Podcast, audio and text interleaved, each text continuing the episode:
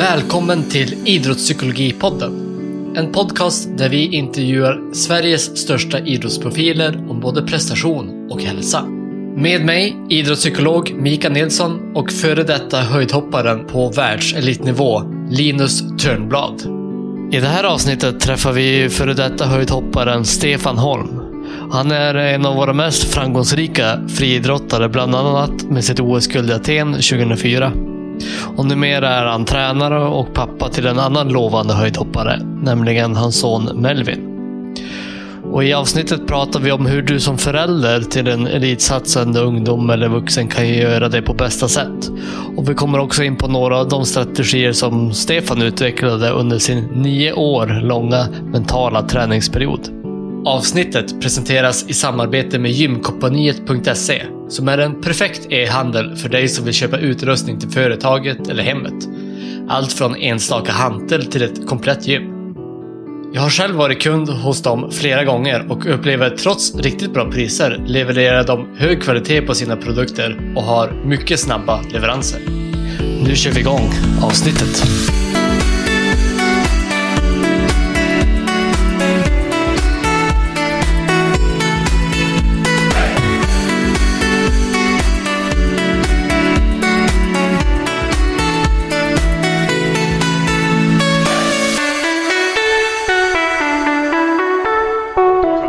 2.36. Stefan Holm, det kan vara ett guldhopp. Här kommer Stefan framåt ribban. Upp där och han... Ja! Han klarar! Han klarar! 2.36! Stefan Holm! Jag tror att det är ett OS-guld. Det är långt kvar, men det kan räcka till ett OS-guld. För Stefan Holm! Vad underbart blir det? Varmt välkommen till eh, dagens avsnitt säger jag till ingen mindre än eh, en god vän och en eh, för detta elitaktiv tränare och idrottsförälder och han heter Stefan Holm. Varmt välkommen! Hur är läget? Jo, det är ganska bra. Vi är nere i Spanien på lite träningsläger just nu. Så att, eh, du vet hur det är. Lugnt och skönt och varmt och gött. Det, ja, jag, jag kommer ihåg att det fanns en tid när det var så. Nu, nu är det inte riktigt så. Men eh, man kan eh, minnas tillbaka och eh, blicka framåt och hoppas att man får uppleva lite av den eh, miljön igen så snart som möjligt gärna.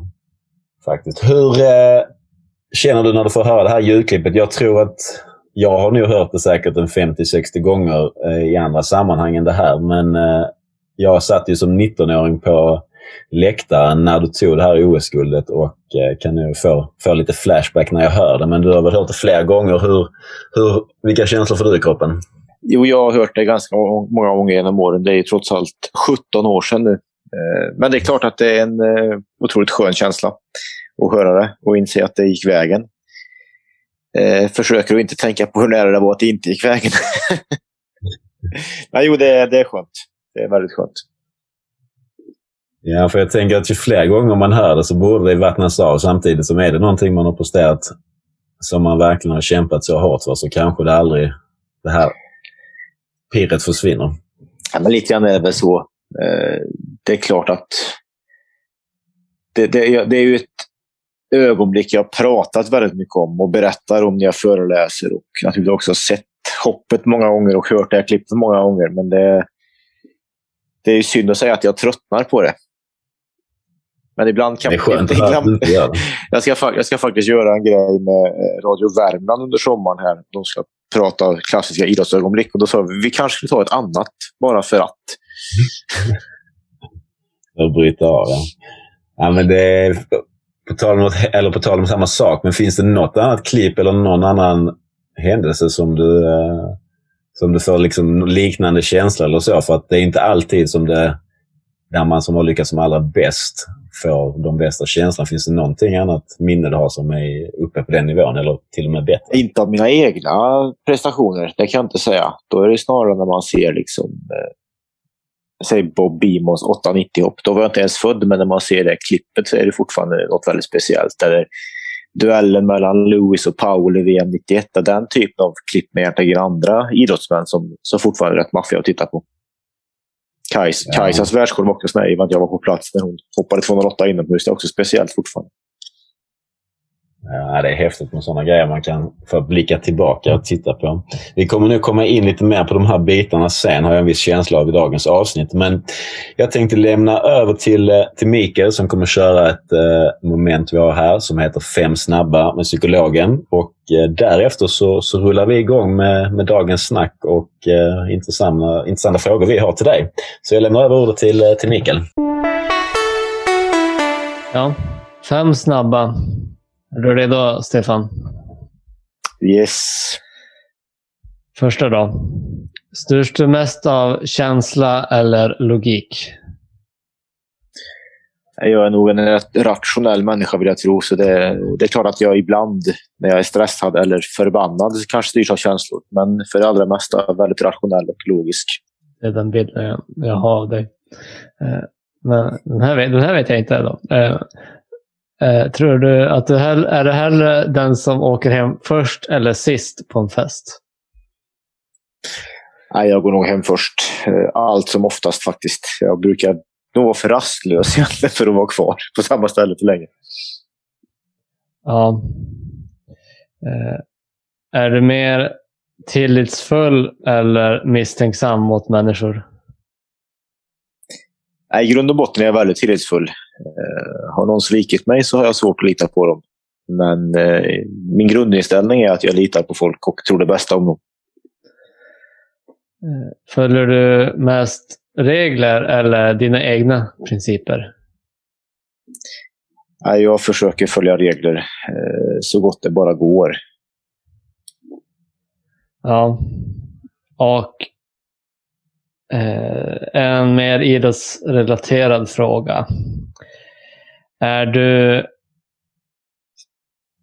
eh, mer nöjd över din insats eller resultatet? Oh. Jag var nog ganska, som höjdhoppare, resultatfixerad. Jag ville verkligen vinna varje tävling jag hoppade. Jag brukar vara mer nöjd med att vinna på säg 2.30 än att vara tvåa på 2.32. Så det var nog eh, slutresultatet mer än prestationen faktiskt. Ja, jag har inga fler frågor. Du får godkänt dina svar. Men eh, annars, annars hade podden slutat här. Det var ju tråkigt. Ja, det var tungt. Alltså jag vet faktiskt inte vad jag hade svarat på om jag är mest nöjd över att vinna en, eller resultatet nu. Det är väldigt länge sedan. eh, Men eh, om jag tänker tillbaka på min senaste tävling som inte var jättelänge sedan, 2018 när jag vann SM, så var jag ju mer, mer nöjd över segern än resultatet kanske. Så att eh, där kom väl ett eh, tydligt svar i och för sig om jag, om jag blickar Det tillbaka. var en bit från personbästa då också. Det vill ärligt sägas. Ja, men det var ju, jag tänkte att det var ju, jag var ju, nej jag hade inte fyllt 35 så jag var inte veteran heller. Så att, nej, ja, nej, det var bara ett lågt resultat. Men eh, men var det, var det för dig var, var det det enda som var viktiga? Liksom, och allt annat sket du fullständigt i. Och det var bara resultat som spelade någon roll. Och, Ja, men alltså, som elitidrottare så var det ju resultat jag jagade. Det, så, var, så enkelt var det ju egentligen. Jag, jag chansade till exempel väldigt sällan i tävlingar genom att stå över höjder och sådär. Utan jag var väldigt taktisk just för att jag ville plocka placeringar och vinna tävlingen i första hand. Och då är det ju placeringen mer än resultatet i, resultat, i meningen höjden jag klarade. Utan det var ju placeringen som var viktigare. Uh, nu i efterhand så kanske man inte kan tycka att man kunde ju ha. Men nej, där och då så var det verkligen ute efter så bra placering som möjligt. ja, och man, det, är inte, det är inte säkert att det hade blivit bättre om man hade gjort det hela tiden ändå. Så att, men, men ja, det är ju intressant att vi hade tagit samma lärdom där. Och det, jag tror jag fick den faktiskt av, eh, ja du vet ju också vem Jesper Fritz är, min gamla träningskollega. Eh, när vi reflekterar lite över hur vi, hur vi tränade förr. Eh, och vi insåg att vi gjorde väldigt många misstag. Men vi faller tillbaka på, han sa ju det att ja, alltså där och då så trodde jag att det var det absolut bästa jag kunde göra. Och, och då gjorde jag det för att det var det jag ville göra. Jag ville göra allt för min idrott. Eh, men eh, då känns det mycket bättre på något sätt än att känna, ja men hade jag tränat mindre hade jag kanske blivit bättre. Men ja, där och då så, så hade jag inte den kunskapen och erfarenheten. Så det är inget man kan gräma sig över heller. Problemet med en elitidrottskarriär är ju mycket det att det är ju ett eh, fullskaligt experiment som pågår i realtid. Och du kan bara göra det där och då. Men och för, fördelen då att gå vidare som tränare är att du förhoppningsvis kan använda den kunskapen och använda den på din aktiva istället. Ja, och det, det är precis. Jag tänker också likadant. Om jag hade fått... Eh, jag tror till och med att jag något år senare skrev ner ett träningsprogram som jag tänkte om jag någon gång blir tränare, om jag kommer, kommer in i den världen, så är det det här träningsprogrammet. Lite anpassat givetvis efter individ, men som jag tror är det absolut optimala. Eh, jag tror jag har kvar det någonstans. Men jag vet att jag gjorde det. Jag tänkte okej, okay, om det skulle hända eller om jag skulle få en tidsmaskin så hade jag valt att träna så här istället. Eh, sen är det för att jag är lite nörd i det och tycker det är kul och så att hålla på med, med den formen av upplägg. Men, eh, men ja, du kan ju ta, ta det vidare till dina, till dina aktiva. Har, har det ändrats mycket? Det är en mer intressant eh, personlig fråga, men har det ändrats mycket i träningsupplägget från när du tränade själv till dina aktiva idag? Nej, jag, jag la av 2008 som höjdhoppare på elitnivå.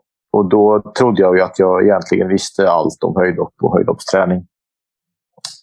Sen blev jag tränare på riktigt 2014 för Sofie Skog och Evelina Erlandsson och sådär. Sen har ju den gruppen växt då med några till. Under de sex och ett halvt åren som har gått sedan hösten 2014 när jag började träna folk så har jag insett att jag inte vet någonting om det här överhuvudtaget. Därför att alla är ju individer och träningsplanen blir bara mer och mer liksom individuella för varje säsong som går. Fördelen med Melvin, då, som ändå är min son, är väl att han borde vara den som passar allra bäst för det upplägg jag själv hade. Så det är väl det jag tröstar mig med för en framtid. Att det kanske är honom som det kommer att funka bäst på. Men kommer du, kommer du mena att det funkar bäst, eller du tror att det eventuellt kommer funka bäst det som du gjorde även på honom? Ja, med lite modifikationer utifrån det som jag själv då, så är det efterhand kan tycka att jag slog ja.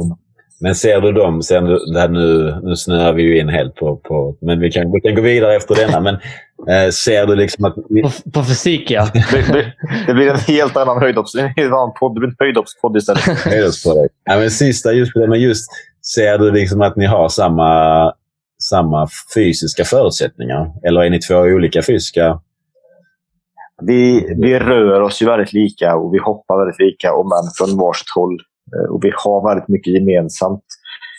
Eh, jag brukar säga att han är en förfinad version av mig för att han, eh, han är liksom lite lättare i kroppen och allt det där. Men, ja, men jag, jag tror att i mångt och mycket så är vi väldigt lika varandra. Så jag, jag tror ju att det jag gjorde kommer passa honom väldigt bra en vacker dag. Men vi är inte riktigt där än. Nej, han är ju ganska ung så att det finns ju, finns ju mycket kvar att se där vad som kommer hända, givetvis. Men om vi, precis, det är, det är svårt att stoppa två höjdhoppare från att bara prata höjdhopp. Eh, vilken tur att jag inte är höjdhoppare. Alldeles för kort för det. Men eh, ja, det, eh, om vi ska gå över på lite, lämna fysik och, eh, och träningsupplägg och höjdhopp och gå mer in på ämnet idrottspsykologi så är ju ett intressant perspektiv att du är med, Stefan, idag. Som eh, faktiskt är förälder då till, eh, inte bara förälder, utan förälder till en elitsatsande idrottare. Och det tror jag många av våra lyssnare är, nämligen antingen ledare, som du är, eller förälder till en elitsatsande idrottare. Och då är det ju såklart intressant att prata om det, eh, tänker jag. Snöa in på det. Ehm, och om vi börjar där då. Men hur, hur ska man, vad är dina tankar kring hur man eh, ska vara som förälder främst då för en elitsatsande idrottare för att, ja men både att den här eh, idrottaren ska prestera bra eller utvecklas och må bra. vad har du för tankar kring det här? Det måste ju alltid, det tror jag gäller alla aktiva såklart, det måste ju alltid ske på den aktives villkor. I det här fallet också ens eget barns villkor. Eh, jag känner inte att jag som tränare vill stå och pusha någon och skrika på någon och liksom få dem att göra saker som de själva inte brinner för eller vill göra, för det kommer inte att fungera. Utan det måste vara den aktiva själv som har drivkraften och passionen för det man ska göra. Eh, och Det andra är ju att alltid finnas där och alltid ställa upp. Eh, jag hade väldigt bra föräldrar själv. Det gäller att välja rätt föräldrar brukar jag säga och jag valde bra föräldrar. Eh, som alltid fanns med, som, som ställde upp med och skjutsade till och från träningar. Och mamma var alltid den där som fixade käk och tvättade kläder och stod för markservicen hemma. Och eh, farsan var ju alltid med eh, på träningar. Och jag brukar alltid ta som exempel, en av de första utlandstävlingarna jag skulle hoppa, då var jag nyligen fyllda 18 år, skulle till Budapest. Då var det flygstrejk. Inrikes i Sverige så var det flygstrejk just den dagen. Så farsan och jag hoppade in i bilen hemma i Forshaga vid fem på morgonen. Han skjutsade mig till Arlanda. Vi skulle flyga till Budapest. Han tar en kopp kaffe på Arlanda, säger hej till han som är landslagsledare, sätter sig i bilen och åker hem till Forshaga igen. Medan jag flyger till Budapest. Eh, och sen ställde han sig och svetsade i verkstaden på eftermiddagen såklart. För det kan man inte låta bli att åka till jobbet när man väl är klar. Så det är liksom en sån där typisk grej som visar hur, hur han alltid ställde upp. Och alltid liksom stöttade mig utan att någonstans pusha mig. Han uppmuntrade mig och fick mig att förstå att jag hade en talang och att det var värt att försöka använda, utnyttja den talangen till att faktiskt bli någonting och se hur långt jag kunde nå. Men det var aldrig att han pushade mig. Liksom. Och det vill jag inte göra med mina aktiva heller. Nej, och det jag kan möta som är lite svårt, eller vad man ska säga, eller eh, i det här är att jag tror ingen, eller jag har aldrig mött någon som medvetet försöker tvinga sin idrottare. Men ändå kan ju idrottaren uppleva press. Så. Ah, även fast man som förälder eller tränare eller något så inte försöker lägga det så, så kan de ändå uppleva det. Uh, hur tänker du kring det? Hur ska man ändå om det är så att idrottaren ändå upplever press, även fast du säger nej men jag, du får göra vad du vill och, och så, så, så är, det, så är det ändå så. Men så är det ju definitivt. Eh, och eh, där har ju jag en viss fördel i den som jag jobbade med som min mentala coach Christian Augustsson. Han har ju doktorerat just på ämnet barns upplevelse av föräldrapress inom idrotten. Och han är dessutom Melvins gudfar. Så att är det någon som kan eh, gå in och eh, säga ifrån eller eh, säga att jag sköter mig eller inte så är det just Christian. Så det är ganska tryggt att ha den backupen bakom mig också. Men jag, jag, jag tror säkert, precis som du säger, att många föräldrar väldigt, menar väldigt, väldigt väl, men att det ibland ändå kan gå överstyr. Ja, vad gör ni konkret då, du och Christian, för, för Melvin i det här fallet? då, om säger så? Men det, det, dels händer det ju att Christian finns med på träningar. Inte huvudsakligen kanske för Melvin skulle ta mer för att han är mental coach hos Sofie Skog som jag också tränade för.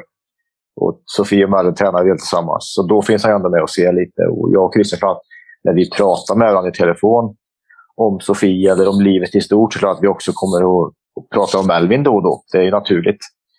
Så att eh, han finns liksom alltid med på ett hörn om det är något. Och Melvin vet ju mycket väl också att Christian finns där om han vill ha någon att snacka med som inte är pappa och som ändå vet vad det innebär och vad han satsar på som idrottare. Liksom.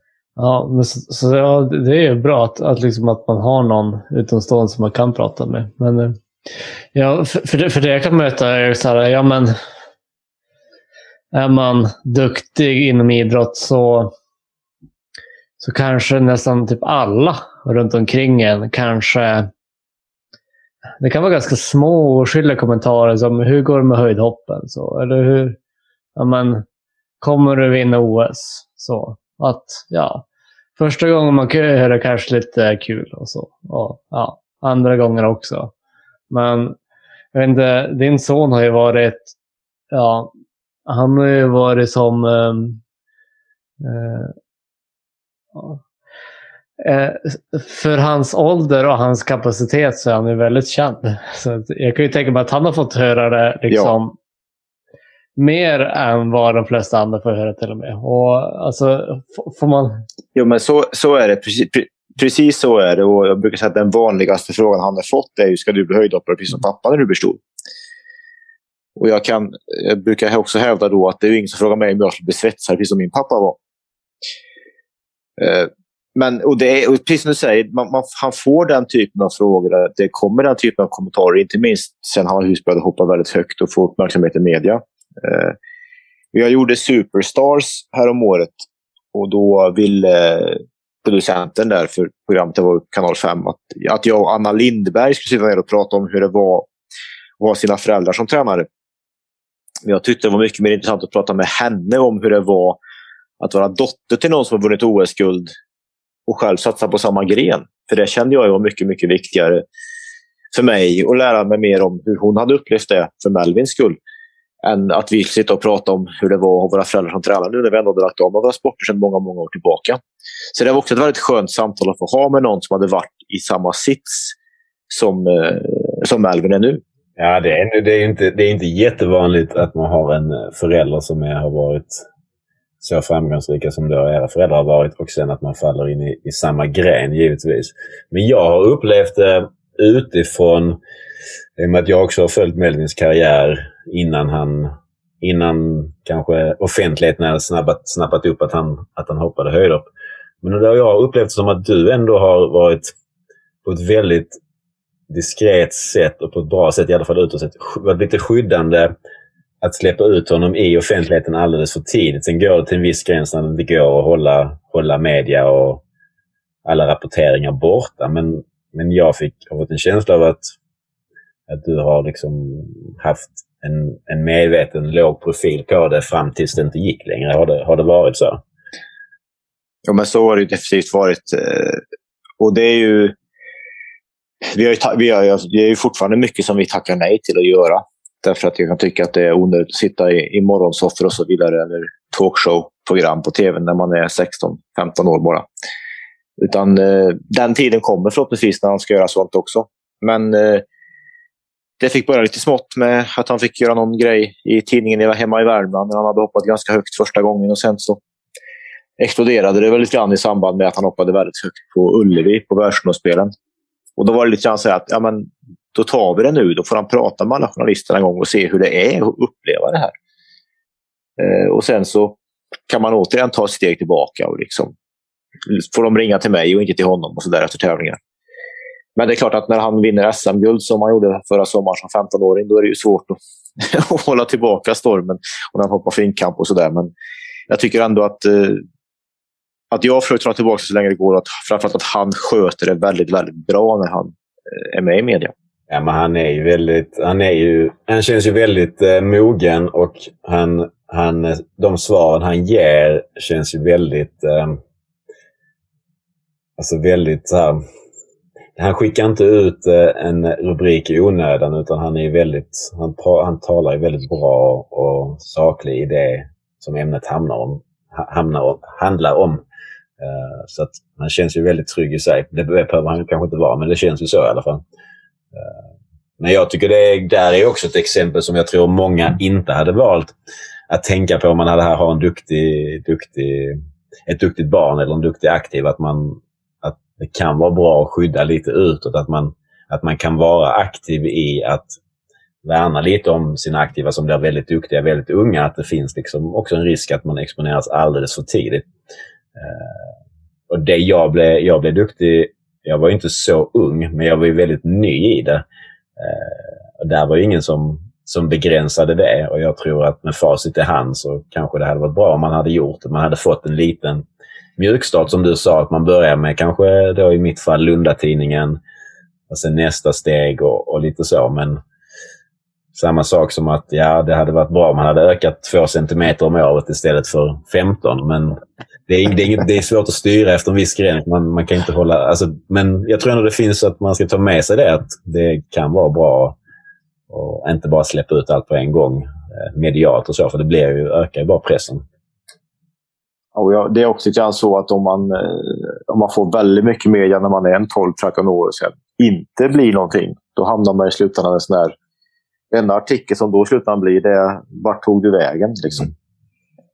Och då kan jag tycka att då är det bättre att hålla en låg profil när de är unga och när de väl gör resultat som är värda att skriva om. Och inte bara att de har en förälder som är bra eller att de råkar vara jättebra för att de är tillräckligt utvecklade. Då kan man få med. Ja, det låter som att det har varit en väldigt... Eh, en, funnits en väldigt bra eftertanke och som ändå har eh, genomförts från, från, från föräldrarnas sida i detta fallet. I alla fall. Och en annan sak jag tänker på, eller som jag kan möta när jag kanske möter ungdomar som elitsatsar och som upplever den här pressen. Eh, jag, jag har sällan mött någon vars förälder rent har tvingat eller sagt att du ska minsann bli bäst. Jag ska, annars jäklar. Men, eh, men, men det kan ju vara bara sån grej som att ja, det alla först frågar är så här, hur går det med höjdhoppen? Typ. Och att det, det de önskar är så här, tänk om någon kan fråga något annat. Gud vad skönt det skulle vara. Så här, inte bara fråga om höjdhoppen, för jag är ju en människa kan de ju säga. Med andra intressen, behov, önskningar, personligheter. Så, eh, och att man kan bli väldigt less och bara prata om höjdhopp jämt. Och framförallt också att det lägger så stor press på en. Och som att man bara är höjdhoppare. Liksom. Eh, och det, det alla ser en vara. Men har du några tankar kring det eller något som du jobbar med eller något som du, eh, eller något som du försöker? Dels, det är ju klart att det är väldigt lätt och roligt att prata om höjdhopp när det går bra. När det bara är framgångar så är det skitkul om folk frågar och sådär. Men eh, vi, är, ja, vi försöker väl att inte prata så mycket höjdhopp på hemmaplan. Det är ju en sak att göra på träningsarenan. Det är också väldigt vanligt att efter en träning eller match bara fråga om resultatet. Typ vann ni eller gjorde du mål? Och det här kan ju verka oskyldigt att göra det en gång. Men om man bara gör det under många år, då bygger man upp en väldigt resultatfokuserad person. Så därför tänker jag också viktigt att fråga, vad gjorde du på träningen då? Vad var det roligaste idag? Vad var du mest nöjd med? Vilka var där? Och så vidare. Men ska vi prata höjdhopp hemma så ska det ju ske på Melvins initiativ, inte på mitt. Och det tror jag ändå att var någonting som jag och pappa lärde oss. Kanske the hard way, men vi lärde oss i alla fall ganska snart att när vi kommer hem så kan vi inte hålla på och älta ansatslöpningar och upphopp och vad som var bra och dåligt på träningen. Därför att då blandar vi dessutom med fler personer som råkar bo i samma hushåll. Och som då kanske måste ta ställning till det ena eller det andra utan att egentligen göra det. Va? Så att, eh, ska det pratas höjdhopp hemma, vilket det görs ibland, så ska du allra helst ske på Melvins initiativ. Mm. Ja, det låter som en sund inställning. Ja. Man brukar väl prata om idrottsänka. Jag gissar att min mamma också blev det. Fyra idrottande barn. Men, ja. Men om vi vänder på cykeln här lite som inför avsnittet här så satt jag och Mikael pratade lite och då eh, vi båda tänkte samma sak att nu ska Stefan vara med och för oss så var du, eller är, liksom mental träning. Eh, och för min del, min historia är att när jag var ung och började med idrotten och lärde känna dig och det var så mental träning kom till kännas för mig inom idrotten för första gången. Det var genom att jag fick höra att du hade mental tränare och du jobbade med Christian och när jag kom med i förbundet och via olika mästerskap och så, så fick man stöta på Christian också. Men där blev det... Det var första mötet för mig med mental träning. Och sen så känns det som att du någonstans har, har skördat väldigt mycket framgång genom att du har blivit duktig på det. Och sen har du säkert haft en del per natur eh, och andra saker du fått jobba dig till. Eh, och Mikael hade sin, sin bild också som, eh, som också vi kallar dig mentala mästare. Men, men hur, hur kom du in på det från början? Det var ändå en, jag anser att det var en ganska sen ålder, vilket egentligen inte behöver vara. Men, men hur, hur, hur kom det sig att du vågade ta det steget och testa någonting nytt, vilket det var? Det här var också för ett, ett par år sedan, så att det var inte... Idag pratar ju många om mental träning, men på den tiden var det inte något som det stod om i tidningen varje dag. Precis som du säger så var jag nog ganska tidigt ute och jobbade med en mental coach. Och då började jag också säga ganska sent. Jag var 23 år gammal när jag och Christian inledde vårt samarbete. Men grejen var att om man går tillbaka till mitten av 90-talet. När jag gick på friidrottsgymnasiet, när jag började komma med i förbundets höjdhoppsuppföljare. och så här, då fick man lite föreläsningar kring mental träning.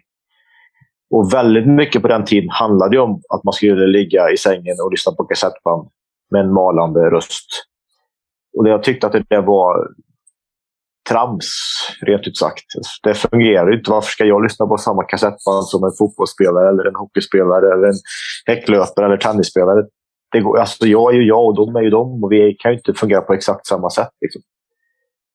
Men sen hösten 98 så läste jag idrottsvetenskap på det som då var Högskolan i Karlstad. Och då hade Christian Augustsson en föreläsning om mental träning tillsammans med Claes Nyberg, långlöpare, terränglöpare i Sverige som han tränade och var mental coach till. Och, och då presenterade de vad som för mig var ett helt nytt arbetssätt kring mental träning. Att man liksom utgick ifrån en aktiv och byggde en struktur runt honom utifrån dennes behov. Liksom. Och, men just där och just då så hade jag hoppats så bra på sommaren eh, 98 så jag tyckte inte mental träning behöver jag inte ha någon. Men Christian var en trevlig prick. Men sen då 99 så gick det sämre det året. Jag misslyckades på VM inne och ute. Jag persade inte på över ett år och sådär. Hoppade rätt sunkigt i många tävlingar. Och då tog jag kontakt med Christian. Lite grann av en slump egentligen. Vi hade pratat, eh, jag hade haft ett SOK-möte. Du vet de här man har med eh, Peter Einebo, sportchefen, och pratat om eh, sin utvecklingsplan för det kommande året. Och då pratade vi om mental träning. Och då föreslog de en som jobbar i Lund, som heter Erwin Appic, som du säkert har träffat. Ja, jag, jag har också en, jag har en ja. historia om jag, och jag kände att det är säkert inget som helst fel på honom. För Han var ganska känt namn och sådär, men han bor ju liksom 50 mil bort. Och Då sa jag jag tränar, trä, te, testar gärna mental träning, men då vill jag välja själv vem jag vill jobba med. Jag vet precis vem jag vill ha i så fall. Mm. Och sen i princip tror jag att kvällen efter träffade jag Christian i boxningshallen. Och hade jag inte gjort det så kanske jag inte liksom rent spontant hade gått fram och pratat med dem. Utan kanske hade det frusit inne och väntat ännu längre. Men då var jag så inne i det där att jag hade snackat om det med SOK och de var villiga att låta mig göra detta och sådär. Och då bokade jag och Christian ett möte. Och sen började vi jobba tillsammans. Eh, som vi sa, vi, vi testar ett år och ser vart vi hamnar.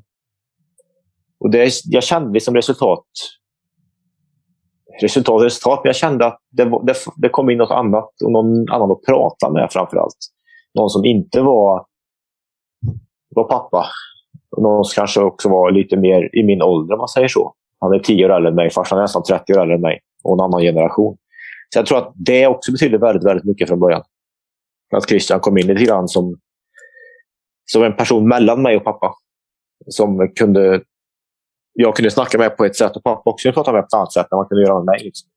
Alltså det där, ja. ja men jag, jag är med dig på... Um, jag tror faktiskt att jag har mitt första möte med en idrottspsykolog. Det var för att jag då ansåg att jag inte lyckades på de stora tävlingarna när jag var lite yngre. Jag tror jag var 17 eller 18 år. Och då eh, skulle jag gå till en idrottspsykolog och det fanns en känd då. Det var ju den här Erwin Apic i Lund. Eh, jag kom dit 18 år tror jag att jag var och eh, fick fylla i lite formulär. Eh, och för mig var det lite som den här kassettbandspelarkänslan eh, som du beskrev när jag satt och fyllde i papper. Hur, eh, ja, olika känslor jag skulle beskriva i diagram och så. Och det, det fastnade jag inte alls för. Eh, sen tog det mig ytterligare två år innan jag fick lite samma känsla. Att jag stötte på en, en man som, som pratade på ett helt annat språk som jag kunde förstå och jag kunde relatera till. Och då, då tog jag också det steget. Eller om jag var 21 kanske jag var. 2021. Så att, ja, nej det är ju... Eh, men jag tänker för mig var det lite lättare. Jag hade i detta fall till exempel hört dig prata om det tidigare jag hade träffat eh, Christian då också genom dig eller någon landslagssamling och då hade jag också insett att det finns... Jag fastnade också för Christian för att han var en väldigt härlig person. Och då insåg jag att man behöver inte vara en äldre professor som bara går på forskning. Eh, vilket jag trodde det var från början. Och då, genom egentligen kanske att jag fick se att Christian var en helt annan person men ändå jobba med samma sak fast på ett annat sätt. Eh, vågade jag också ta det steget. Och det gav ju mig också hur mycket som helst under väldigt kort tid faktiskt. Eh, lärde mig styra lite mina tankar och, och, och så vidare. Eh, hur, hur, Mikael, hur ser du dig? Vilken, vilken, genre, vilken genre sätter du dig som, som idrottspsykolog? Ja, jag gillar ju forskning då. Nej, men Ja, kassettband, är det någon som kör med kassettband? Det vore ju skitspännande. OH och kassettband. Men... Finns det ju några guldband där ja, nej, Jag brukar väl... Eh, jag är rätt så ung. Det, det tror jag kan vara till min fördel. Nej, men, nej, men, nej, men jag tycker det är viktigt liksom att uh, ska, skapa bra relationer kontakter och prata med den personen. Att liksom försöka prata med den man möter på dennes vis. Liksom prata på bondens språk. Alltså liksom, man försöker skapa en bra relation och man försöker vara, ja, men skapa en schysst eh, stämning och så. Att det är egentligen viktigare än det man har att säga är ju liksom hur kontakten man får. Uh, du, prat, du sa det också, Stefan, det här med att, att bara ha någon annan person att prata med. Och, och det kan vara hela grejen nästan. Uh, jag tycker jag har så mycket book knowledge, men den blir stum om jag inte kan liksom skapa en bra kontakt. Det är ändå jag är ju den jag är. Det är svårt att fejka för mycket men till viss del kan man ju tweaka liksom hur man beter sig så att man liksom... Och sen har jag en grej. Um, det här gör jag med alla egentligen. Det är en väldigt konkret grej som jag gör. Jag ställer ju varje samtal med alla jag möter någonsin så ställer jag frågor då hur de upplevde samtalet eller samarbetet. Jag har ett fyra frågor som jag ber dem fylla i efteråt i ett formulär så som tar 30 sekunder att göra bara. Hur de upplevde olika, ja, i olika synvinklar av samtalet. Fyra frågor på en skala 1 till 10. Och jag vill ju säga att jag alltid får tior, men det får jag inte. Nej, men syftet med den är ju att få ut när folk inte är nöjda, att då kunna fånga upp det och säga du skattar bara sju av, vad beror det på då? Eh, hur kan jag göra så att vi samarbetar bättre? Och, då, och det där är ju jobbigt för mig. För det är lite självutlämnande så. Begära in feedback från de jag möter. Men det är ju så extremt värdefullt. Och, alltså, forskning visar ju alltså så här att val av metod som man jobbar med är typ ganska oviktigt. Men hur, väl man skapar en bra relation eller allians? Det är jätteviktigt. Och, och, och, så det är väl det jag lägger mest krut på. Sen har jag ju metoder och så som jag tror på. Så. Eh, till exempel inte lyssna på kassettband. Men, eh, men eh, ja, det är, det är superviktigt det. Eh, men Stefan, fanns det några konkreta saker, eh, som du, om du vill delge dig med det, som du, nej men som du började göra när du började prata med Christian? Jag tänker som... Eh, ni hade ju en bra relation. Kanske, det känns som du gillade honom som person innan. På tal om det som Mikael säger Men relationen verkar ju vara på god väg där. Och sen, vad var det för... Kommer du ihåg vad det var för bitar ni började jobba med? Eh, om, man, om man är konkret i vad ni gjorde. Eller hur, hur du började tänka annorlunda. Christian pratar om något han kallar för medveten systematisk mental träning. MSMT. Och för mig var det ju medvetandegöra väldigt mycket av vad jag gjorde inför och under tävlingar. Och också bli mer systematisk i vad jag gjorde.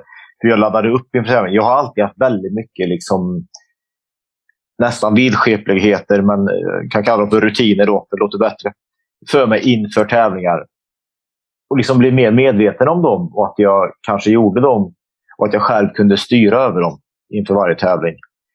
Det var liksom en sån där, jag värmde alltid upp på samma sätt. Liksom. Eh, jag, jag rakade mig alltid före varje tävling jag skulle hoppa. Den typen av grejer som jag alltid själv kunde styra över. Jag hoppade alltid i samma kalsonger till exempel. Och Jag hade haft den här typen av rutiner, men jag liksom inte haft någon riktig ordning på dem. Därför att eh, om man gör en dålig tävling så försöker man hitta en annan rutin. Liksom. Till så blir det bara kaos på sådana grejer. Och framförallt är det svårt att göra dem i samband med stora tävlingar för att de är så annorlunda mot vanliga småtävlingar. Eh, men sen också medvetandegöra hur jag betedde mig inne på arenan. För jag, jag brände väldigt mycket energi på att bry mig väldigt mycket om vad konkurrenter och funktionärer och sådär gjorde inne på arenan. Liksom bara bli medveten om det där med att det enda jag faktiskt kan styra över här inne är min egen prestation. Jag kan inte styra över om Linus tar eller river eller om Staffan Strand tar eller river. Jag behöver inte lägga energi på det. För oavsett vad de gör så måste jag försöka klara höjden. Liksom. Så enkelt är det. Så den typen av grejer var liksom det första liksom, viktiga steget tror jag, som vi började jobba med det första året jobba tillsammans. Ja, det jag, det jag tycker det, det är igenkänningsfaktor här. Jag fick också lära mig styra över eh, min egen prestation. Att det spelar ingen roll vad de andra gör. För att Gör jag inte min egen grej så spelar det ingen roll. Och lära mig fokusera på att inte titta på de andra, vad de gjorde så mycket, utan lägga fokus på mitt eget, lägga energi där, där man kan påverka det. Men det tog lång tid för mig att till exempel inte titta när de andra hoppade över. Alltså man, om någon annan klarar en höjd, det kunde bara påverka mig negativt. I Revdon så var det bra, men kontra risken att de skulle hoppa 15 centimeter över en viss höjd, det, det kunde ju bara ge mig negativa känslor. Alltså i mitt fall då. Så att eh, verkligen lära sig vad som tar och ger energi. Som du säger, medvetenhet där, det är ju en... Eh, de få som jag har varit i kontakt med som, som tränare eller som stött, stöttningsperson, så här, då har jag verkligen fokuserat på dem. Alltså, ta reda på vad som ger och tar energi. Eh, styr över vad som får låta sig ta energi ifrån dig. Och, och det som ger dig mer gör, styr dina tankar så att du gör mer av det istället. Om, om, du, om du inte uppskattar eh, vad tidningen skriver om dig så, så kanske det är bäst att låta bli att läsa det. Åtminstone i samband med före tävlingar. Efteråt kanske det inte spelar så stor roll. Men du kan styra lite, vad som, eller väldigt mycket vad som kommer åt dig. Men är man inte medveten om det så, så låter man ju allt komma i, från olika håll och kanter. Det är min erfarenhet i alla fall. Och, ja, och det, det allra första mötet jag och Christian hade, en av de första sakerna han frågade mig var att men du ska inte lägga av med höjdhopp då. Därför att om jag hade ett problem med mitt höjdhoppande, om jag inte riktigt trivdes med att stå inne på arenan i en stor tävling eller till och med i en mindre tävling. Jag kände en oro, en osäkerhet och nervositet av det. Jag kunde väldigt enkelt slippa det. Det var ju bara att sluta hoppa höjdhopp. Och det är också en sån där fråga man någonstans kanske kan vara att ställa sig själv ibland. Att om man nu inte trivs med det här och mår bra av det här, är det värt det då? Men jag tyckte att det var värt det, för jag ville bli bäst i världen. Jag ville ha hans hjälp att bli bäst i världen. Men det var ändå en sån där tankeväckande grej, för jag hade aldrig ens tänkt tanken för att jag kan ju lägga av det här om inte jag vill hoppa. Men det ville jag inte. Det fick vänta några år till. Men det är sånt brukar du vara lite så här, Mikael. Du brukar, har ju i tidigare avsnitt också sagt lite så att man, man ska ställa annorlunda frågeställningar som man kanske inte är van vid. Det här är precis en sån grej. Men om, vill du verkligen fortsätta eller tycker du... Är det så jobbigt? Är det värt att hålla på då? Eller och så vidare. Att våga ställa andra frågeställningar är ju, kan ju vara väldigt... Tvinga en att tänka på ett annat sätt än vad man är van vid. Ja, precis. Jag kan vara lite... provocera fram eh, lite sådana frågor. Alltså, det är lite kontraintuitiva frågor. Så här, eh, ja, Eh, ja, varför slutar det inte? För att prova fram, provocera fram varför man håller på. Då, eller varför man vill göra det, för att få fram det. För om jag bara frågar ja, varför hoppar du höjdhopp, så kan svaret bli vet inte. Men varför slutar du inte bara? Eh, om du, inte, om du inte kan komma på varför. Ja, men, ja, men då kan det vara lättare att komma på saker. Så. Um, men om, man ska hålla kvar ändå vid, vid det här um, rutinen. Jag tycker det är intressant. Så här, just för, eh, det, för jag, tycker, jag, jag fastnade också på något du sa där, Stefan, att du sa saker som du hade kontroll över. För det finns så mycket man inte kan påverka och att eh, massa tävlingar är olika. För att det kan ju lätt bli så att ja, men, som elitidrottare, många är liksom kanske på ett överdrivet sätt perfektionistiska eller försöker ha kontroll på allting. Att det kan gå till överdrift. Man tänker att jag måste ha kontroll på allt och jag måste ha kontroll på alla känslor, alla tankar. Jag måste ha kontroll på allt som händer och alla förberedelser, alla tider och allting så här. Och det där är ju eh, omöjligt att ha kontroll på allt. För att det är så mycket som kan hända. Och då var det bara att du sa det du kan ha kontroll över. Så. Eh, men saker man inte har kontroll över ska man inte försöka kontrollera då. Eh, för det, då lägger man ju tid och energi på det istället. Ja, men gränsen är hårfin mellan geni och galenskap. och många, många, när jag har berättat om, om de rutiner jag hade inför och under tävlingar så tror ju folk att jag liksom har tvångstankar. Men det är ju ganska långt ifrån den typen av grejer till att man måste tända och släcka lampan 40 gånger innan man kan gå över tröskeln och gå ut. Eller måste kolla att spisen är avstängd 15 gånger innan man kan våga gå hemifrån. Dit kom jag aldrig, som tur var. Utan det handlade om saker som jag faktiskt kunde styra över och som jag också, om det sket sig, ändå kunde hantera i tävlingar också. Ja, och när man kan hålla det där med saker som man alltid har kontroll över och om det skiter sig så är det inte katastrof och det går inte att prestera den dagen. Då, då är det bra för då kan du skapa en trygghet så här, när, när du ska tävla i OS för första gången. Ja, men då är det helt en tävling i annorlunda miljö, kanske helt andra tider, ja, allt annorlunda. Då har du i alla fall några saker du kan hänga upp där på för att, eh, för att skapa en viss trygghet i alla fall. Ehm, så kanske du inte kan göra allt eh, det du vill göra, men lite grann i alla fall för att skapa de här rutinerna. Ehm, och då tänker jag att då kan det ju verkligen vara hjälpsamt. Med, ja.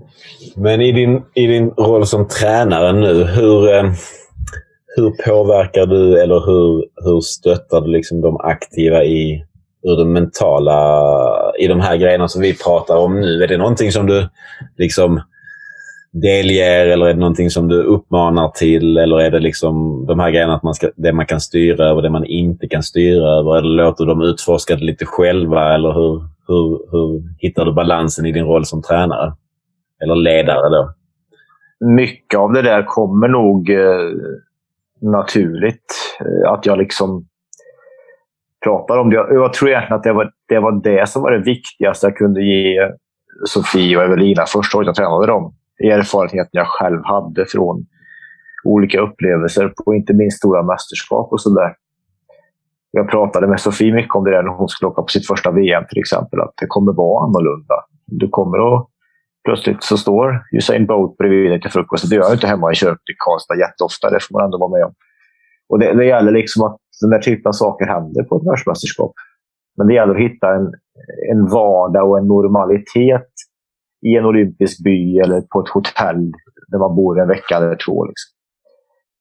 Men sen är det ju så att bara för att vissa saker passade mig så måste ju inte det passa alla andra. Och det får man också vara medveten om. Men jag försöker nog ändå dela med mig av de erfarenheter jag har och att de får välja och vraka på det de tror kan passa sig själva. Men många individuella idrottare, ja, även lagidrottare snart, har ju olika typer av rutiner för sig och nästan ritualer inför varje tävling de ska göra. Alltså, ja, det, det är någonting man... Alltså, jag har nog inte träffat någon som inte har haft hyfsade rutiner. Och i, fanns det inte de tre S i, i höjdhopp eh, innan tävling? Shit, shower, shave hette det väl? eh, som man skulle göra för, in, inför tävling. Men att man har man tävlat, spelat matcher, vad det än är, så, så bygger man ju rutiner och i, i många av rutinerna så ligger det ju trygghet och det är, det är väl någonting man skapar. Jag tror också att ha en tränare som kan, eh, som kan ge en en liten så här, en, en bank med tips, eller vad man ska kalla det. Där det finns så här har jag upplevt, så här känner jag det och si och så. Och så, så får man lite plocka det. det som, man får vara nyfiken själv och våga och kunna plocka det man tror funkar för en eller våga prova på. Eh, för det vi var inne på lite från början i, i samtalet här är ju att man, man kan ju väldigt sällan tvinga någon eller pusha på någon någonting och att det i längden eller kortsiktigt ska bli bra. Eh, är man inte intresserad av en idrott så hjälper det inte om en tränare så skriker därför så fort den tränaren slutar skrika så slutar man ju träna antagligen. Eh, så det drivet får väl komma inifrån också på något sätt och, och skapar du en miljö där det finns, finns liksom information, det är ett dåligt ord, men det finns kunskap att ta till sig så, så kommer det vid slutändan är det upp till den aktiva själv att ta till sig det. Sen försöker jag ju i möjligaste mån att hjälpa mina aktiva genom att vara vidchefer när de tävlar. När Sofie vann sitt första SM i Söderhamn till exempel så, så sitter jag där ner på läktaren på de låga höjderna. För att det är inte speciellt högt att hoppa på. Och då tar hon ju. Så när hon då hoppar på 1,92, vilket är personbästa och VM-kval och SM-guldhoppet, då står alla upp utom jag som fortfarande sitter ner. För att jag satt ju ner när hon började hoppa tävlingen och tog höjderna i första. Så jag måste ju fortfarande sitta ner för att hon ska ta, tror jag ju, som tränare då. Jag vet ju intellektuellt sett att det här fungerar inte överhuvudtaget. Men eh, det finns ett filmklipp där alla på hela läktaren utom jag står upp och klappar. Jag sitter ner och klappar. ja, men det är ju härligt. Jag, det finns ett filmklipp på mig när jag sitter ner i Peking när Usain Bolt slår världsrekord på 200 meter. Alla andra står upp. Eh, för jag är så jäkla bedrövad över min egen insats. Så att, men lite annat perspektiv. Men, eh, men, och, ja, och, det, och det tycker jag att alltså, fler sporter, det brukar jag också prata om fotbollstränare, så här, hur man kan bete sig så himla olika beroende på. Liksom. Men för egentligen har du utarbetat liksom, i fotboll en taktik, ett spelsystem, en, ja, eh, som du ska följa. Liksom, och, ja, eh, det beror, ja, man kan ju till viss del anpassa sig efter motståndare. Men, eh, och det gäller liksom att hålla det som tränare och inte sväva iväg för mycket i, i dina känslor och så. Um, försök vara på ett kontinuerligt sätt så, eh, och lita på att din plan kommer hålla och sådär. Så, eh, så det, det, tycker jag är ett bra konkret tips till tränare ändå. Att, att försöka inge någon slags trygghet och lugn genom det, genom kroppsspråk och hur man gör. Och man ändå ska göra på samma sätt som man tränar och som man tror skulle funka för en. Så. Ja. Men lugn och trygghet som från andra sidan om man så är förälder eller om man är tränare. Det är ju, jag tror det är någonting man borde verkligen man borde tänka en gång till. att man Jag har haft en tränare, alltså nu jag då som person här har, hade ju en tränare som var en superduktig tränare men han, han hade extremt svårt för att hantera pressade och stressade situationer och vid stora mästerskap så, så är det ju väldigt pressade och stressade situationer och det är ju den tävlingen på året som man vill prestera som absolut bäst. Om man då har en tränare som inger ett lugn, eh, en trygghet framför allt, så, så är det ju en plusfaktor kontra när jag tävlade på VM i Berlin 2009 så var min tränare så nervös. Så eh, helt plötsligt försvann han och jag kunde inte hitta honom. och jag frågade min kompis som var där och frågade var, var, var är min tränare då, min namn så pekar han högst upp på andra våningen på den här, jag vet inte vad den tar, 70 000 Berlinstadion. Så pekar han längst upp så ser jag en eh, man sitta där i Sverigedräkten med en eh, VHS-kamera och filma. Jag kan inte få kontakt med honom och då hade jag haft en tränare som, eh, som hade varit cool, lugn och gett mig liksom trygghet och visat på det här, det här är inga problem, det har vi gjort så många gånger, det kommer du liksom fixa. Hur man, vilken relation man har med sin tränare. Men, men att då till exempel som, som Stefan berättat när han sitter ner Eh, så inger det också en, eh, en trygghet, tycker jag. För att då visar du att det här är precis som vanligt. Det, jag vet att du kan det här. Det är liksom, man gör inte det mer än vad det är. Sen ska man ju också kunna visa känslor, men jag tycker inte det, det bara är en, en grej som inte har en betydelse. Utan för mig hade det ändå tyckt på att ja, men det här är... Han är inte uppstressad, då behöver jag inte vara det heller. Utan det är bara fullt fokus på vad jag ska göra. Jag vet inte om ni håller med mig där, men långt utlägg för väldigt lite. Men, men jag tycker ändå att det, det visar på någonting. Jag håller definitivt med dig om att en tränare eller en ledare som, som är stressad och inte kan behålla lugnet i en spänd situation kan föra över det på en aktiv som också i den tur, sin tur blir stressad. Eh, och det, det gäller att, att klara av att hålla lugnet i, i de situationerna också. Ja, det, det är inte alla som har det naturligt och jag tror inte jag kanske hade det som, eh, som en av mina starkaste egenskaper när jag började idrotta eller började med friidrotten. Och för, min, för olika tränare så är det också nya erfarenheter. Det är nya situationer. Det är inte alltid lätt att veta hur man, hur man kommer tackla och sitta i en VM-final om man aldrig har varit på den nivån tidigare. Så att, eh, det är inte så att jag anser att man ska kunna det innan och utan innan man ens har provat det. Men man ska nog ha, ha, ha kännedom om betydelsen hur en tränare kan spegla av sin nervositet på en aktiv eller liknande. Eh, att man ska nu ha med det i beräkningen inför olika situationer. Man får köra mental träning på sig själv då, som ledare. Eh, Så man fixar situationer. Man kanske behöver egna rutiner för sig själv som, som ledare också. Jag tror att det är väldigt viktigt och jag tror att det har ju funnits en hel del olika såna här coachutbildningar och coachprogram genom både Friidrottsförbundet och SOKs försorg genom åren. Om vi ser på friidrotten då. Och jag tror att det har varit väldigt, väldigt viktigt för många att få gå igenom dem och prata om hur det faktiskt är att sitta på läktaren där i, i en pressad situation i en väldigt stor och viktig tävling. För att det är skillnad även för, för coachen. Att det är ett OS eller ett SM. Ja, och det, det där är liksom att då går man ju igenom ett scenario. Man förbereder sig så gott man kan inför det. Eh, och lika bra är det om man tävlar eller spelar match, vad man än gör, om det dyker upp situationer. Om, om, hur, hur hanterar du, Stefan, om du var på en tävling och det började regna? Hur, hur tänkte du då? Lät du det, äta upp dig helt eller hade du en form av strategi hur du skulle tänka då eller tackla det? Nej, jag försökte ju ofta se det som något positivt därför att kommer man från Sverige som är ganska van med regn och vi, vi var ju några av de ganska få som var vana att hoppa i regn. Så jag försökte se det som positivt. Jag förstod att jag kommer inte hoppa lika högt idag. Men de andra kommer att hoppa ännu lägre, om man säger så. De kommer drabbas mer av det än vad jag gör. Om jag tappar 5 cm tappar de 10. Så det är till min fördel om det är dåligt väder.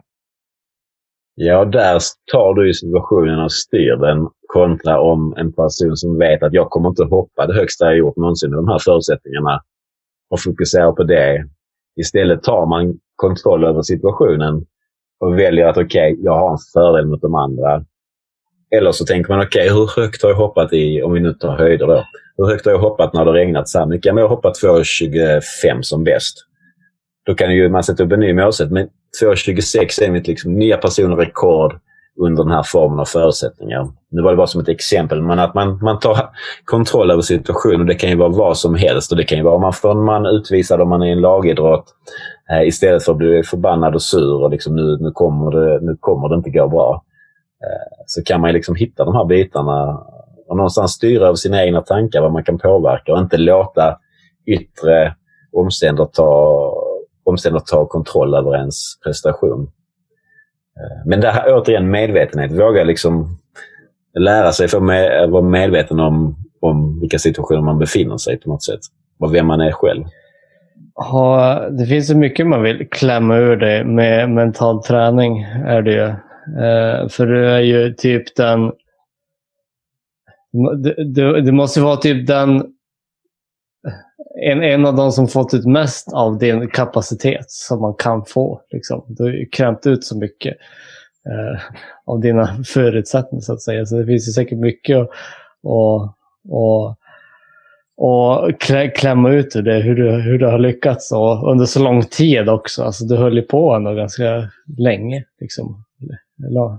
Ja, det är ju det, det, är svårt att säga egentligen. Jag hoppade ju 2.33 innan jag började jobba med Christian. Jag hoppade 2,40 som högst sen.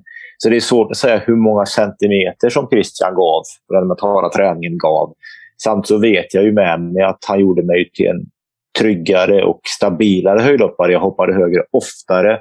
Jag hoppade framförallt högre när det verkligen gällde de stora tävlingarna. Så är, naturligtvis så påverkade det väldigt, väldigt mycket och jag tror att han hjälpte mig att få ut, just nu säger, få ut väldigt mycket av den eh, talang jag hade och den, eller den begränsade talang som alla har. Att man får ut så mycket som möjligt av den, det är väl det det handlar om. Eh, så jo, det, att det definitivt gjorde mig bättre. Det kan jag vara helt säker på. Hur mycket går egentligen inte att mäta i centimeter eller i medaljer, men han hjälpte mig. Det var det viktigaste. Ja, och någon sak som jag reagerade på i början eh, var just det här att ja, du tog hjälp när det gick lite tyngre. Det är intressant ändå, för det är inte så att du börja träna fysik när det går lite tungt. Eller börja träna teknik när det går lite sämre. Utan det är något du alltid gör. Eh, men det intressanta med mental träning är just det att ofta tar folk kontakt när det går tungt. Men det vore mycket mer effektivt och så alltså, om man alltid tränade så, eller alltid hade som ett, som ett naturligt inslag. Att det, det, det är en lika viktig del som alla andra, som taktik, fysik, teknik ja, och så vidare. Eh, eller ja, som med, med kost och, och sömn och återhämtning och sånt också. Och jag, jag, jag tror säkert att det kan bli det, eller kanske redan är det i många fall. Men om vi skruvar tillbaka klockan till mitten av 90-talet, när ni båda var barn fortfarande, så var det ganska onormalt att, att ha mental träning. Och Det var nästan så att man skulle vara lite psykiskt sjuk för att hålla sig med en mental coach. Att man skulle ligga på en brun skinnsoffa och prata om sin barndom. Eh, men det har ju blivit mer och mer från början accepterat och nu fullt normalt att man har en mental coach. Så att jag tror att det kommer säkert in mer och mer som en naturlig del i det än vad det gjorde för 20-25 år sedan idag. Ja, det är, jag, det är jag också helt säker på att det gör. Och som, det var ju för, för 20-30 år sedan så var det en helt annan sak än vad det är idag.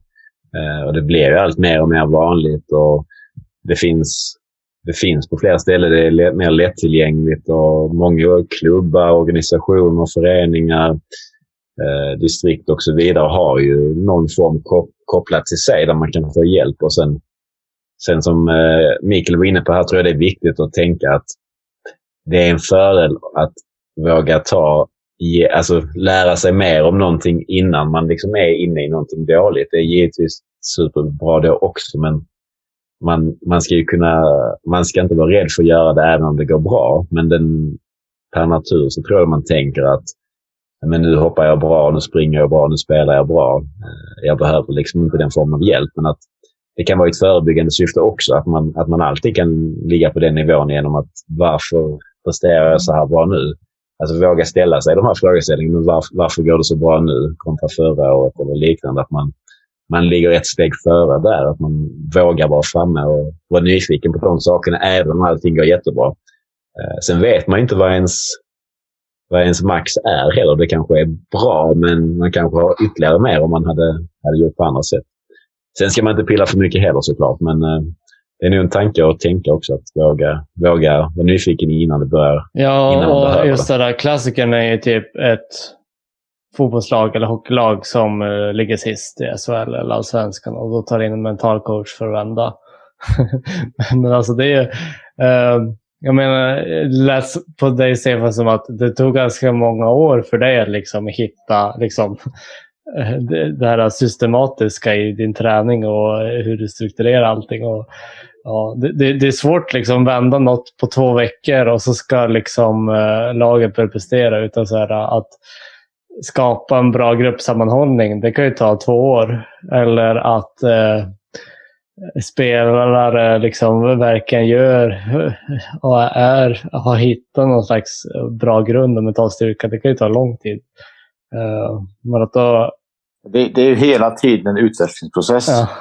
Och det pratade jag och Christian också om, att vi blir ju aldrig färdiga med Nej. det här.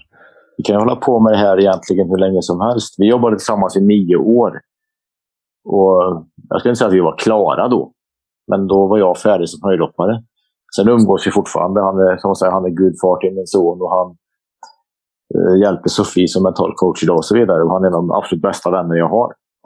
Så att eh, det kom ut mer än bara den mentala träningen ur det. Men den blir vi aldrig färdiga med. Han eh, myntar också ett, eh, ett uttryck som jag har satt sig i mitt huvud. Att, eh, jag behöver inte gå in på när och hur, men han sa då var då, nu är nu.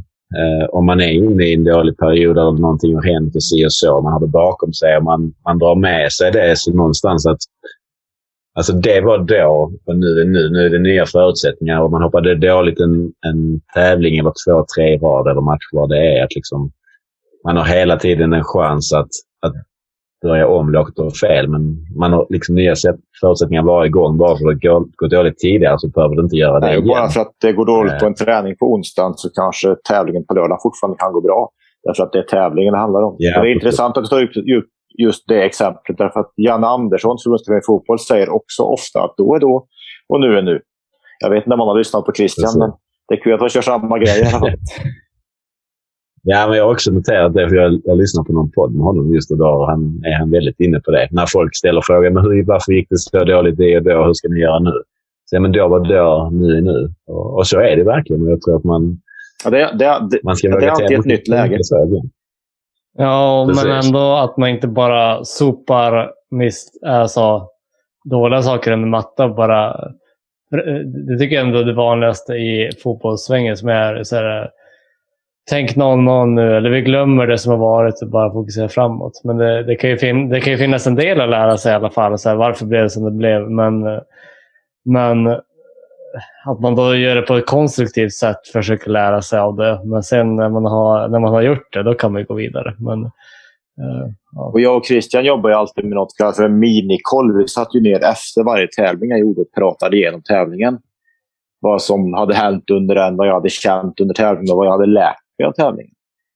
Och det var ett sätt att försöka utvecklas och dra lärdomar av det som hade varit. Just för att kunna gå vidare till nästa nya läge, nästa nya tävling. Mm.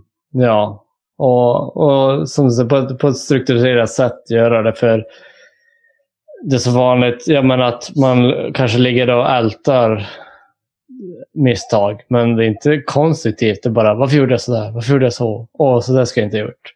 Bara spelar upp dåliga scenarier om och om igen i huvudet. Men att man då gör det på ett liksom, konstruktivt sätt där man försöker lära sig av det. Och sen när man har gjort det så har man gjort det. Och då kan man släppa det och gå vidare till nästa. Liksom.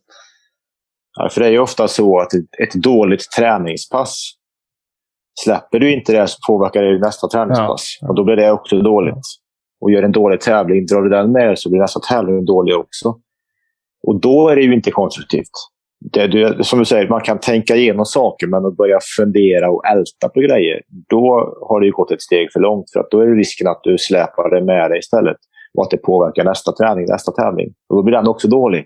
Och då är du ganska snart inne i en ond cirkel. Ja, Sen brukar jag brukar göra skillnad mellan problemlösning och ältande. Liksom. Ältande är när man bara rabblar saker som mycket dåligt och aldrig kommer framåt. Problemlösning är när man på ett konstruktivt sätt har förvalda frågor som man går igenom för att ta sig vidare till nästa. Liksom. Eh, och då kunna släppa det. Eh, och att man då bygger upp en sån strategi. Och det kan se lite olika ut, men eh, att man i alla fall har ett sätt. Ett, ett sätt i alla fall. Så. Ja. Eh, nej, men som sagt, det finns mycket att klämma ur dig. Eh, men då skulle vi behöva fler än en timme, eh, tror jag. Klämma ur dig allting. Eh, om du jobbade i nio år, svårt att sammanfatta allt på en timme sådär. Men vi har fått höra mycket saker, mycket intressanta saker, framförallt kopplat till föräldraskap, tänker jag, som är lite nytt perspektiv hoppas jag till den här podden. Men eh, så vi ska börja avrunda tänker jag. Eh, och det vi eh, då frågar, eller en, en sak som vi brukar avrunda med är ju om du har någon fråga till oss, till mig, till Linus, till båda. Ja, eh, jag träffar ju inte Linus så ofta längre, så min fråga till honom är egentligen hur, hur läget är och hur han mår och hur han ser på sin egen framtid. Eh, ja, men det var en eh, väldigt, väldigt bra fråga. Min, mitt läge är faktiskt bra. Det har tagit många år innan det har blivit bra, men eh, det har, saker och ting har börjat falla på plats. Eh, jag har ju gift mig, skaffat barn och eh, ett komplex som jag har haft väldigt länge, stora delar av mitt liv, är att jag inte har haft en utbildning oavsett, alltså i alla fall en akademisk utbildning. Och nu har jag faktiskt börjat plugga. Och någonstans har jag känt lite att där har sista pusselbiten för mig i mitt, ja, jag ska inte säga nya liv, men eh, mitt annorlunda liv eh, väl fallit lite på plats där och eh, visar för mig själv att jag klarar mer än vad jag trodde att jag skulle kunna göra. Nu har jag, är jag bara inne på första terminen här, men så läget är faktiskt bra. Jag har bevisat för mig själv att jag kan mer än vad jag, vad jag trodde. Med, med givetvis med stöttning från familj och, och de som är nära och så. Så att eh, jag är väldigt nöjd. Jag önskar givetvis att jag hade kunnat hoppa lite höjder ibland, men det är nog bara en, man får inse att vissa idrotter kan man inte hålla på med hur länge som helst. Även om man hade velat göra det bara för skojs skull så, så är inte riktigt eh, fysiken med mig rent och jag hade nog gått sönder. Det gläder mig att du mår bra i alla fall. Det är det viktigaste. Ja, precis. precis. Så, eh, nej, men jag är, det är faktiskt bra. Det har tagit många år att komma hit. Det har det gjort. Eh, varken sig jag har, hur mycket jag än har försökt så har det inte hjälpt. Det har inte gått fortare utan det har fått, fått ta sin tid.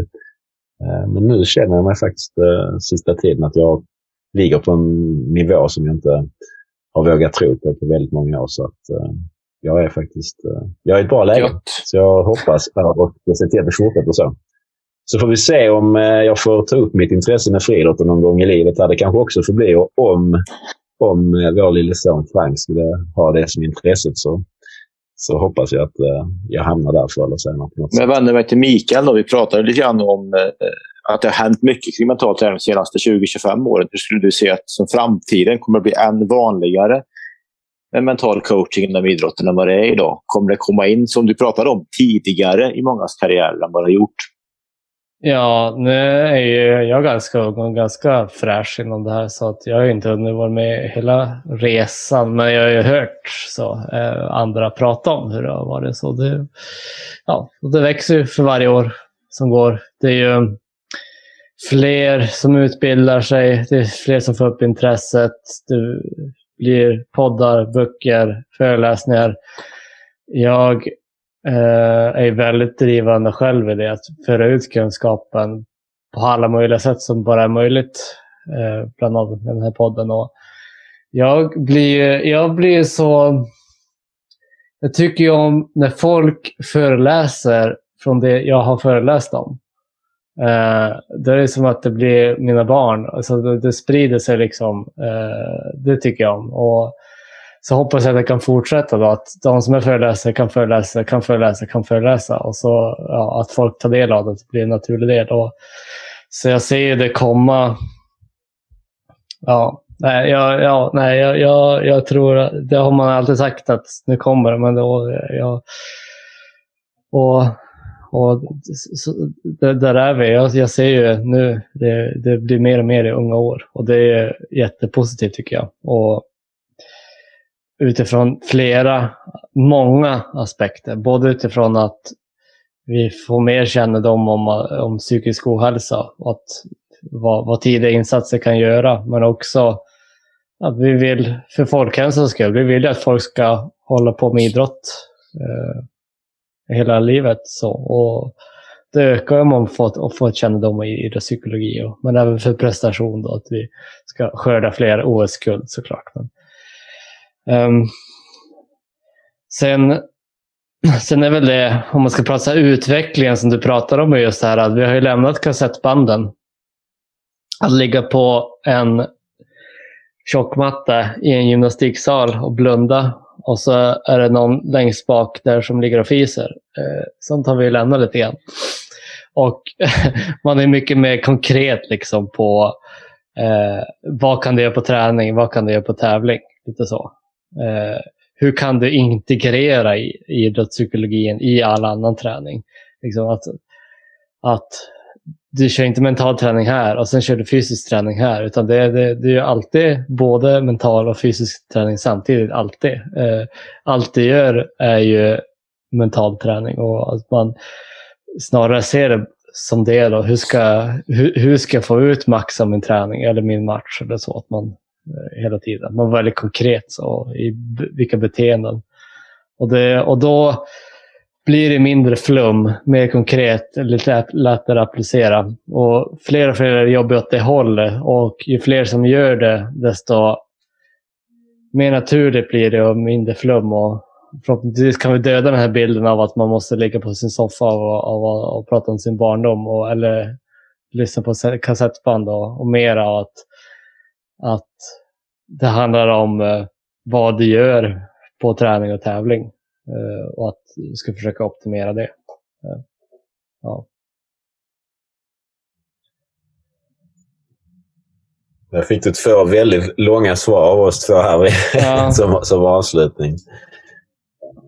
Men jag säger stort tack att du ville ställa upp från ett soligt Spanien.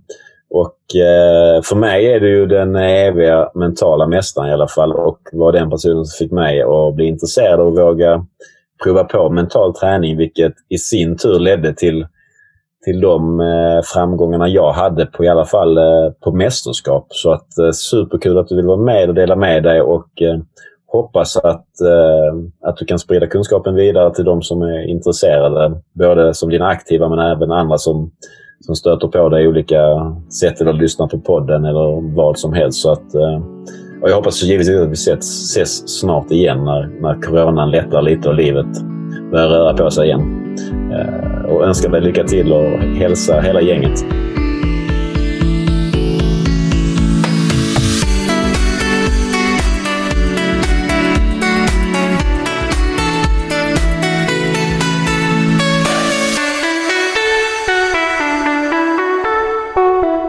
Ja, men det var ju intressant att lyssna på det vi kallar för mästaren av mental träning. Om det du som förälder kan ta med dig från det här avsnittet tänker jag att eh, gärna lära dina barn att fokusera på annat än resultatet.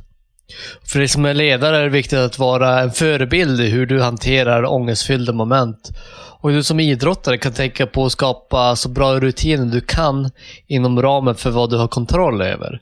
Så att du får en större trygghet när du ändå är på resande fot. Följ Idrottspsykologipodden på sociala medier för att vara uppdaterad när nästa avsnitt släpps och för att ta del av de bästa tipsen från varje avsnitt. Om du är intresserad av mer idrottspsykologi kan du gå in på actsport.se. Actsport hjälper idrottare, lag, ledare och organisationer med olika lösningar inom idrottspsykologi.